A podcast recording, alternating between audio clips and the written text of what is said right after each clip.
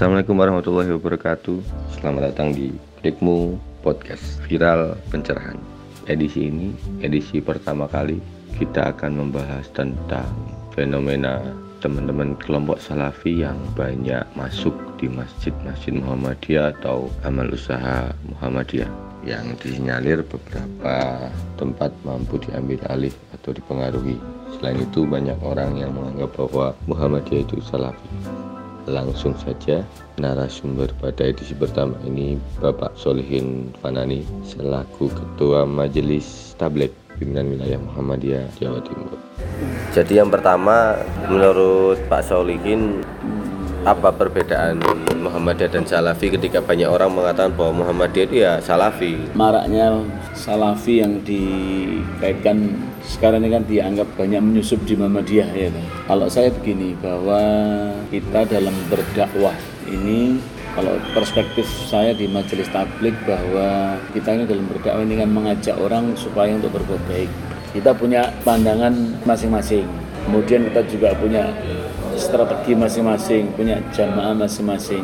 Tapi saya kira kan tujuannya sama itu untuk misalnya untuk berdakwah yang harus dijaga itu adalah jangan sampai dalam berdakwah ini kemudian kita terjadi hal-hal yang saling merugikan atau bertabrakan. Yang akhirnya tujuan utamanya untuk berdakwah tidak mengena kemudian akan terjadi yang namanya perselisihan. Nah, padahal tujuan kita ini kan sama-sama untuk berdakwah. Ya kita kembangkan. Yang kedua bahwa dalam berdakwah Muhammadiyah sejak awal sudah punya garis sendiri bahwa dalam mengajak kepada masyarakat ini kita menyadarkan tidak bersifat doktrin ya. tapi bagaimana umat diajak untuk sadar terhadap cara beragama sebagaimana yang dilakukan oleh Rasulullah SAW pada waktu itu yaitu dengan mengkaji Al-Quran, mengkaji hadis ini secara baik ya. kemudian memahaminya dengan baik kemudian mengamalkannya dengan baik dan mendakwakan kepada masyarakat kebaikan-kebaikan yang sudah kita lakukan ini. Jadi bagaimana dakwah itu membuat orang sadar kepada kesadaran dalam beragama, kesadaran dalam kehidupan sosial, dalam kehidupan berbangsa, bernegara, macam-macam ya. Sehingga nanti masyarakat itu akan semakin baik dalam kehidupannya dunia maupun akhirat. Sehingga tujuan agama ini yang lebih utama itu kan membuat orang supaya bahagia dunia akhirat, selamat dunia akhirat. Ya, oleh karena itu dakwah ini ya tadi itu menyadarkan umat dan mengajak umat supaya menjadi umat yang betul-betul hidupnya sesuai dengan apa yang diinginkan oleh Allah, diinginkan oleh Rasulullah dan sesuai dengan kebutuhannya sebagai manusia, fitrahnya manusia ini kan makhluk sosial. Yeah. Nah, itu yang kedua. Yang ketiga bahwa masalah yang berkaitan dengan salafi misalnya yang sementara ini marak, eh, menurut saya bahwa kita juga memberikan pandangan kepada kawan-kawan di majelis tablik ya di daerah-daerah maupun di cabang-cabang bahwa kita supaya memaksimalkan misalnya potensi kader-kader yang ada di Muhammadiyah pimpinan-pimpinan ada di Muhammadiyah kita manfaatkan secara maksimal pimpinan-pimpinan ini sehingga menurut saya bahwa pimpinan-pimpinan kita ini juga punya kemampuan yang baik dalam berdakwah dan punya cara-cara yang menarik sebenarnya hanya kadang-kadang memang mungkin secara kasat mata biasanya memang balik balik Muhammadiyah ini kan penampilannya tidak terlalu menonjol, tidak terlalu di media juga. Ya, jadi Muhammadiyah itu memang dokternya akan sepih yang pamrih rame yang gawe ya, keikhlasan yang ditonjolkan. Bukan simbol-simbol dalam beragama ya simbol-simbol dalam kegiatan-kegiatan itu. Tapi yang lebih nonjol ini Muhammad ini kan gerakan-gerakannya gerakan-gerakan sosial keagamaan pendidikan ekonomi kesehatan. Nah oleh karena itu kadang-kadang muncul pendapat di kalangan Muhammadiyah sendiri menganggap bahwa seakan-akan mubalik Muhammad tidak menarik yeah. dianggap monoton. Mungkin butuh selingan mungkin butuh suasana yang lain gitu loh. Ya hingga kan akhirnya mengundang atau melibatkan mubalik-mubalik di luar Muhammadiyah. Tapi menurut saya kita memanfaatkan potensi kader yang ada dengan betul-betul misalnya memberikan fasilitas dengan baik. Kadang-kadang kita ini dengan kawan-kawan sendiri tidak memberi fasilitas yang cukup, tapi dengan orang lain memberi fasilitas yang cukup.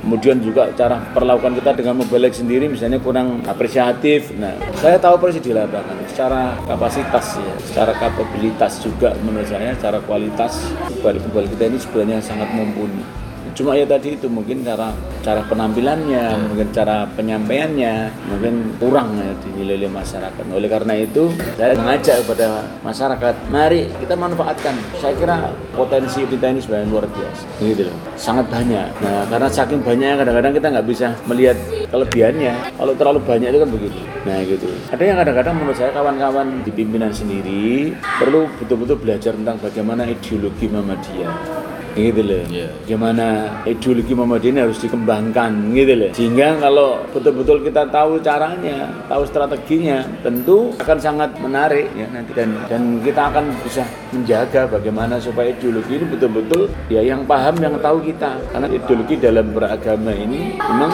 ya sangat berat kalau tidak betul-betul jernih, murni dalam berpikir. Ya orang kadang-kadang sulit bisa menerima paham agama sebagaimana yang dipahami oleh Muhammadiyah karena butuh berpikir. Sementara mungkin di organisasi yang lain hanya diajak atau disuruh untuk mentaati ulama, mengikuti aja. Kita kan enggak, kita ini diajak untuk berpikir. Bagaimana umat diajak berpikir? Nah itu salah satu kelemahan umat ya di situ kalau diajak berpikir paling berat ya, gitu ya. Dan memang rata-rata kadang-kadang di situ kadang-kadang dakwah orang Muhammadiyah biasanya kan selalu kelihatan kaku atau kurang menarik. menarik ya. nah, nah itu aja. Ya. Terus ini Pak, ada enggak laporan-laporan kalau beberapa aum, apalagi majelis tablek ya, itu mulai dimasuki salafi atau masjid-masjid Muhammadiyah mulai lebih tertarik dengan ustadz-ustadz dari salafi? Dulu di awal-awal prodesasi itu ada dulu. Oh iya. Dulu. Ya, setelah kemudian kita mengadakan turba kan banyak menyerap aspirasi. Yeah. Ya, kemudian kita melakukan pembinaan-pembinaan terhadap mubalik-mubalik kita dan meyakinkan pada takmir, pada pengurus biasanya masih sering mengundang ustadz-ustadz dari Salafi itu kita beri pengertian, pengertian. bahwa mubalik-mubalik kita lebih baik sebenarnya secara kualitas. Nah kemudian akhir-akhir ini saya lihat jarang ya tidak tidak terdengar lagi suara yang lebih apa nyaring ya jadi nggak nggak seberapa. Mungkin juga pengaruh dari kawan-kawan ya, tadi itu. Kemudian kita sering ada koordinasi-koordinasi dengan majelis-majelis tablik sampai di tingkat daerah, cabang, supaya kita sampaikan tadi memberdayakan. Kemudian kita dorong dengan adanya kegiatan-kegiatan pelatihan mubalik. Kemudian kita sinergikan antara mubalik satu daerah dengan daerah yang lain. Jadi misalnya nanti ada per korwil, yeah. ya itu akhirnya kita buatkan sebuah kelompok grup yeah. antar mubalik antar daerah, nah, sehingga mereka tidak merasa kekurangan gitu loh. Kalau bosan bisa ke uh, uh, oh bisa di sana, bisa lah nanti. Itu yang akhirnya sekarang sudah menurut saya jarang sekali. Ya mungkin karena tadi itu di awal-awal masih mungkin belum banyak kenal dengan membalik-membalik Muhammadiyah. Mungkin masih belum banyak peta tadi itu. Nah sekarang sudah kita adakan pembinaan, kemudian kita adakan sinergisitas dengan antar PDM ya antar PDM sekarang udah mulai balikin sana bisa ngisi di sana di sana di sini ini juga cara kita untuk menetralisir dengan mengadakan korpo balik Muhammadiyah nah itu juga menurut saya menjadi salah satu mungkin merasa kurang ya karena dia melihatnya hanya mereka kok bagus dan sebagainya. Yeah, yeah. Nah, karena sekarang setelah diadakan itu, karena dia mereka udah banyak stok kan dari daerah dari dari sana. Saya lihat itu ada yang dari PDM sana, dan karena sering adakan korwil-korwil yeah, tadi itu, kemudian dia tahu, kemudian kita juga dorong mengadakan latihan balik muda Muhammadiyah itu PKM 3 itu. Nah, itu juga muncul anak-anak muda yang sekarang lebih bergairah lagi. Sehingga itu salah satu cara kita untuk menetralisir supaya kita tadi merasa tidak jadi stok mobile kita ini supaya lebih banyak. Menurut saya ya ya ngapain kita harus mencari orang lain kalau memang di dalam keluarga kita sendiri sudah banyak dan menurut saya lebih menurut saya sesuai dengan tadi. Jadi dalam pelatihan-pelatihan itu ada inter internalisasi ideologi Muhammadiyah ya? Iya, nomor satu itu memang. Jadi nomor satu memang kita bekali itu untuk penanaman ideologi bermuhammadiyah tadi. Iya. Dan biasanya itu menjadi materi yang sangat menarik dan banyak kadang-kadang mubalik Muhammadiyah, mubalik kita ini sangat butuh bagaimana ideologi bermuhammadiyah, ideologi berorganisasi, ideologi dalam beragama penting sekali dan publik ini kan sebagai corong yeah. dan kita juga kerjasama dengan majelis yang lain seperti majelis tarji keputusan-keputusan produk hukum yang dihasilkan dari majelis tarji kita sebagai Cor iya. corongnya tawa, tawa. Uh, tawanya sehingga nanti orang akan semakin paham dan saya kira Muhammadiyah telah membuktikan ya, sejak dulu sampai sekarang bahwa balik membalik Muhammadiyah itu adalah orang-orang yang punya komitmen konsisten dan istiqomah tidak hanya dalam berdakwah tapi juga dalam kehidupan pribadi, yeah. keluarga, sosialnya. Yang terpenting ada di situ. Jadi jangan sampai keteladanan kita bagi seorang mubalik itu terabaikan. Di Muhammadiyah itu sangat terjaga hal seperti itu yang saya kagumi dari Mubal kadang-kadang cara orator ya bal-bal Muhammadiyah itu biasa tapi dampaknya sebenarnya secara psikologis itu luar biasa. Yeah. gitu apa yang disampaikan betul-betul mendalam. Dan kesannya itu memang tidak terlalu banyak apa yang disampaikan tapi mengena Nah, yang terpenting kan seperti itu dakwah itu. Kemudian membuat orang menjadi berubah, menjadi orang menjadi sadar. Nah, itu kan yang berat. Ya. Terakhir ini, Pak, termasuk di kader-kader muda Muhammadiyah. Karena mungkin Pak Solik ini kan sudah tidak di ortom yang muda, Pak. Hmm. Jadi mungkin AMM. Iya, AMM. Kami minta Pak Solikin ngasih saran dan nasihat buat kader-kader muda Muhammadiyah ini yang sebenarnya hari ini banyak terpengaruh di media terkait ideologi salafi itu. Salah satu cara kita ya kita membuat kegiatan-kegiatan mungkin yang lebih progresif dan mengena sesuai dengan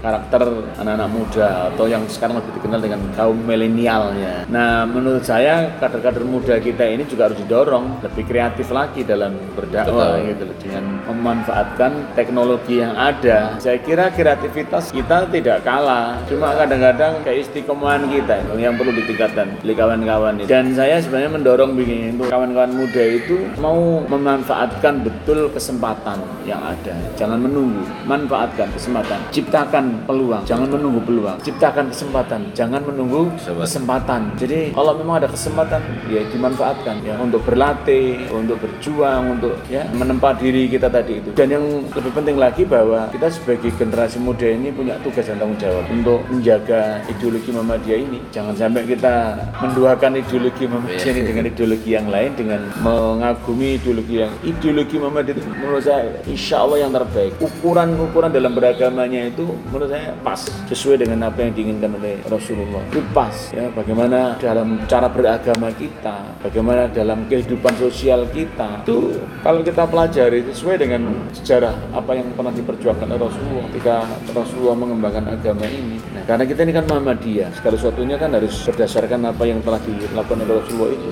Nah, pengalaman saya bergaul dengan berbagai macam organisasi dan melihat gerakan-gerakan gerakan organisasi keagamaan. Menurut saya Muhammadiyah ini yang paling menurut saya istiqomah dan betul-betul dalam berdakwah ini tidak mohon maaf ya tidak main-main gitu. tidak pernah memanfaatkan kepentingan agama untuk kepentingan pribadi kan kita ini berjuang untuk Muhammadiyah untuk mengembangkan agama ini. Dan tujuan utama kita bagaimana supaya Islam tetap tegak di tengah-tengah masyarakat. Itu kan tugas, tugas tanggung jawab kita. Dan itu menjadi tugas kader kader Muhammadiyah. Bagaimana agama ini tetap tegak di tengah-tengah masyarakat melalui organisasi Muhammadiyah. Gitu. Melalui gerakan-gerakan kegiatan-kegiatan dalam Muhammadiyah itu. Saya akan sebagai salah satu satu indikator-indikator untuk menjaga bagaimana supaya nilai agama ini tetap tegak. Nah kalau anak-anak muda tidak punya kegiatan seperti itu, kreativitasnya perlu didorong lagi untuk menggemari kegiatan-kegiatan dakwah yang menurut saya kawan-kawan AMM itu perlu ditingkatkan. Saya kira kalau